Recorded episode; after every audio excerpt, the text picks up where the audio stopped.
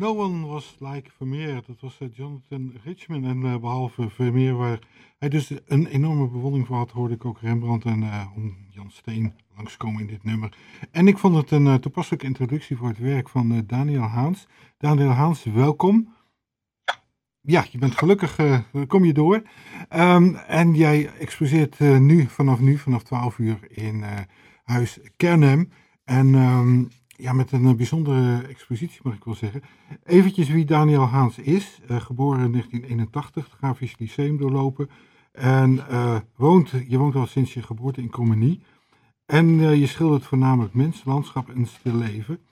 Ehm ja, en ik, ik, ik, ik heb al even over de expositie mogen lopen. En het viel me op dat je heel veel inspiratie haalt uit het werk van de Hollandse schilders uit de Gouden Eeuw. En, maar ook trouwens uit de romantiek.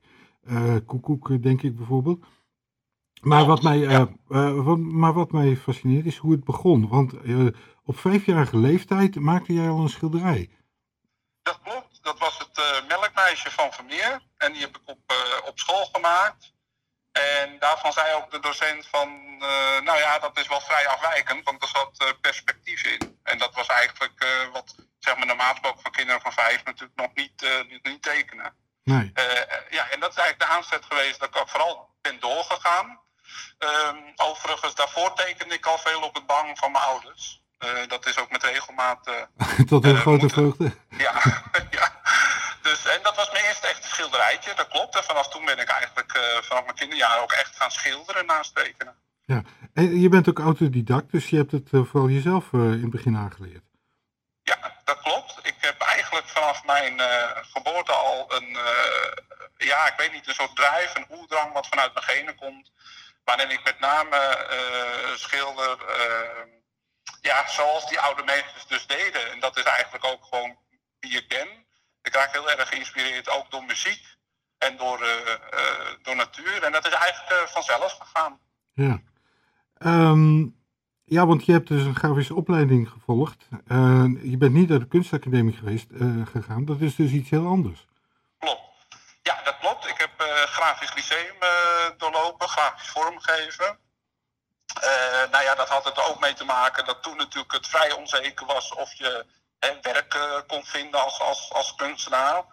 Dus het was op dat moment eh, beter om, eh, om het grafisch lyceum te doorlopen, wat zekerder qua, qua werk en qua inkomen. Ehm, en daarna is dat eigenlijk, ehm, ja, is dat er eigenlijk nooit meer van gekomen. Tegenwoordig de klassieke academie, wat daar wordt gegeven. nou ja, goed, dat doe ik al. Ik geef zelf namelijk ook lessen daarin. Aan kinderen, volwassenen en schildersverenigingen. Ehm, dus op dit moment heeft het ook eigenlijk eh, niet meer een toegevoegde waarde. In die zin dat ik mezelf wil ontwikkelen op mijzelf. Dus vanuit mijzelf. Ja. Nu over je schilderijen. Eh, ja, je woont dus in de Zaanstreek. En eh, dat is ook altijd de inspiratie geweest voor grote kunstenaars. Ik denk bijvoorbeeld aan Monet. Ja, je, Ja. je ziet er water, eh, molens, weidelandschappen, bijzondere industrie. En ehm, ja, dat is voor jou ook een bron van inspiratie. Eh, ja, zeker. Ik heb vooral in mijn eh, jeugd veel schilderijen gemaakt uit de Zaanstreek. Schilderijen waar bijvoorbeeld molens op staan. Eh, in mijn huidige werk zie je dat in een aantal landschappen ook terugkomen. Er is op de expositie een heel groot landschap te zien. ehm, met een zicht op de Zaanstreek uit de 17e eeuw. Waar je links een huis in Zaandam ziet staan, die er nog steeds staat. En daar hangt bijvoorbeeld ook een werk met zicht op de Odolphusabdij in Assendelft. eh rond de 16e, 17e eeuw. Ehm, ja, dat zijn eigenlijk tafereelen uit de Zaanstreek die natuurlijk inmiddels eh, overwoekerd zijn door verdere industrie. Maar ja, die daar eh, wel er zo hebben uitgezien. Eigenlijk met omgevingen zoals we die ook bijvoorbeeld van Koekoek kennen. Verwilderde bomen, grote eiken, Ja, veel water, veel molens, veel vee. Ja. Eh, en natuurlijk de walvisvaart is erg bekend. Hè? Hoewel ik daar eh, wat minder, of hoewel ik daar nog geen werk op heb gericht. Maar daar is de Zaanstreek natuurlijk ook heel erg bekend van. ja. Je refereerde ook even aan Koekoek, eh, een van de grootste romantische schilders uit de Nederlandse kunstgeschiedenis. Begin eh 19e eeuw. Ben je zelf ook een romanticus wat dat betreft? Ja, ik ben een hele sterke romanticus. En het is ook eigenlijk niet zozeer het feit dat ik me per se alleen laat inspireren door Koekoek, maar ik voel me vooral heel erg verbonden met hem. Want ik herken heel veel in hem wat ook uit mijzelf komt. Maar ook als ik buiten ben of uh, wandel- of natuurgebieden zie, uh, wat mij aanspreekt. En dat ligt denk ik wel heel erg nauwkeurig uh, ja, op één lijn met dat soort schilders. Ja. En nog even teruggaan naar de Gouden Eeuw in de schilderijen.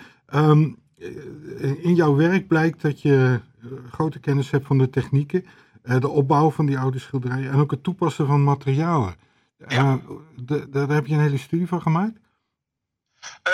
nou, nee, ook eigenlijk uh, ja, in die zin dat je uh, studeert en dat je nooit uitontwikkeld bent en studeert in vormen van techniek. Maar eigenlijk zijn ook heel veel van die technieken vanaf mijn geboorte eigenlijk al aan de orde. Dus die zijn eigenlijk voor een heel groot deel aangeleerd.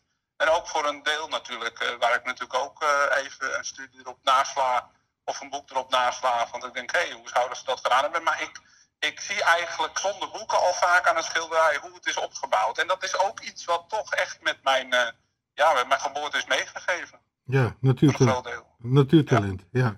ja. Um, behalve landschappen uh, zijn er ook stillevens, uh, ook vanitas schilderijen, de, ja, die vooral in de 17e eeuw erg populair waren. De, zeg maar vanitas, gedenk te sterven, dat soort motieven zitten daaronder.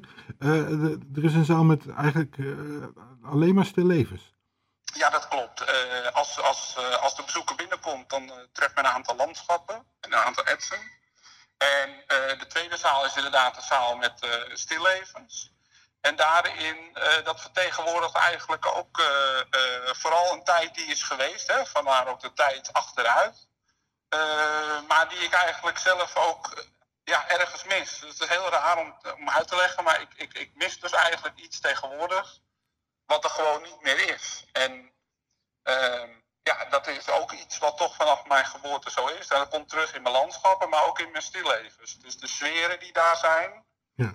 Toch een beetje de rust die dat vaak uh, met zich meeneemt. Toch een beetje, uh, ja, toch een beetje uh, de, de, rust van, van toen eigenlijk. Op een bepaalde manier. wat daarin geborgen ligt en ja, wat er niet meer is, dat zie je eigenlijk wel continu in mijn werk terug. Ja, um, bij die landschappen valt me ook op die, ja, wat jij zegt van, ik mis dat tegenwoordig, maar uh, wat je dus vooral ook in die 17e eeuwse landschappen ziet, het bijzondere Hollandse licht en ook de luchten, want de Hollandse schilderijen uit de 17e eeuw die zijn beroemd vanwege de, de luchten, de prachtige wolkenluchten. En dat zie ik bij jou ook weer. Ja, dat klopt. Ik ben een gedreven luchtenschilder. Uh, eigenlijk ook een onderdeel wat mij ook vanaf mijn, ja, vanaf mijn jonge bestaan al inspirerend is. Ik kijk al continu naar lucht, ik ben er altijd mee bezig. En het is ook, ook denk ik wel de, de reden waarom ik ook heel graag landschappen schilder, omdat er altijd wel ja, een mooi stuk lucht bij is, is toe te passen. Dat is een enorme inspiratiebron. Ik vind wolken een van de mooiste, wonderlijkste dingen die er zijn. Want het, het lijkt mensen denken als het is driedimensionaal, maar als je omhoog kijkt, het lijkt een soort, ja, zelfs acht of negendimensionaal. Het gaat eigenlijk als een soort bolvorming om je heen. Het is eigenlijk heel erg mooi. Je krijgt ook bijna nooit luchten zo mooi als dat je ze in het echt ziet op een foto. Ja. Het is natuurlijk ook het spelen van, van het zonlicht op de wolken, wat ook steeds verandert. Uh, waardoor het, ja, ja, klopt. Waardoor het leeft, lijkt wel. Uh, schilder je dan naar de natuur of uh, doe je dat? Ja, ja ik, ik schilder naar de natuur. Dat gaat op verschillende manieren. Of ik maak schetsjes, of ik sta buiten, maar dat is heel zelden. Of ik maak heel veel foto's en schetsjes en dat uh, werk ik op mijn atelier verder door. Want het is met bepaalde complexe luchten natuurlijk niet te doen om, om, om continu buiten te staan tot het is opgebouwd. Want net zoals een lucht is opgebouwd, moet je dat ook in gelaagdheid, qua schilderen, moet je dat opbouwen. Anders krijg je het niet voor elkaar. Ja. Goed, uh, Daniel, ik weet niet precies maar uit mijn hoofd tot wanneer de expositie duurt. Vanaf vandaag dus, ieder weekend? Vanaf vandaag ieder weekend tot en met 24 oktober. Okay. Uh, 24 oktober is het, is, het, uh, is het laatste weekend. Dat. En wat ik nog even toe voegen over de lucht. Het is ook een veel gehoord iets van mensen die mijn uh, werk aan de muur hebben hangen. Dat zeggen, nou die luchten, elke keer als het licht verandert buiten, dan verandert het hele schilderij met zich mee. Zoveel lichtechtheid zit er dan in de luchten dat ook de sfeer van een schilderij continu verandert. En dat is natuurlijk hartstikke mooi. Oké. Goed, nou een prachtige ja, introductie en ook uitnodiging om naar deze expositie te gaan. Daniel Haans, ik dank je voor dit gesprek en ik wens je veel succes bij deze expositie en ja, wat je nog verder mocht maken in de toekomst. Nou, super. Ik, jullie ook bedankt voor de mooie uitzending en het mooie item hier okay.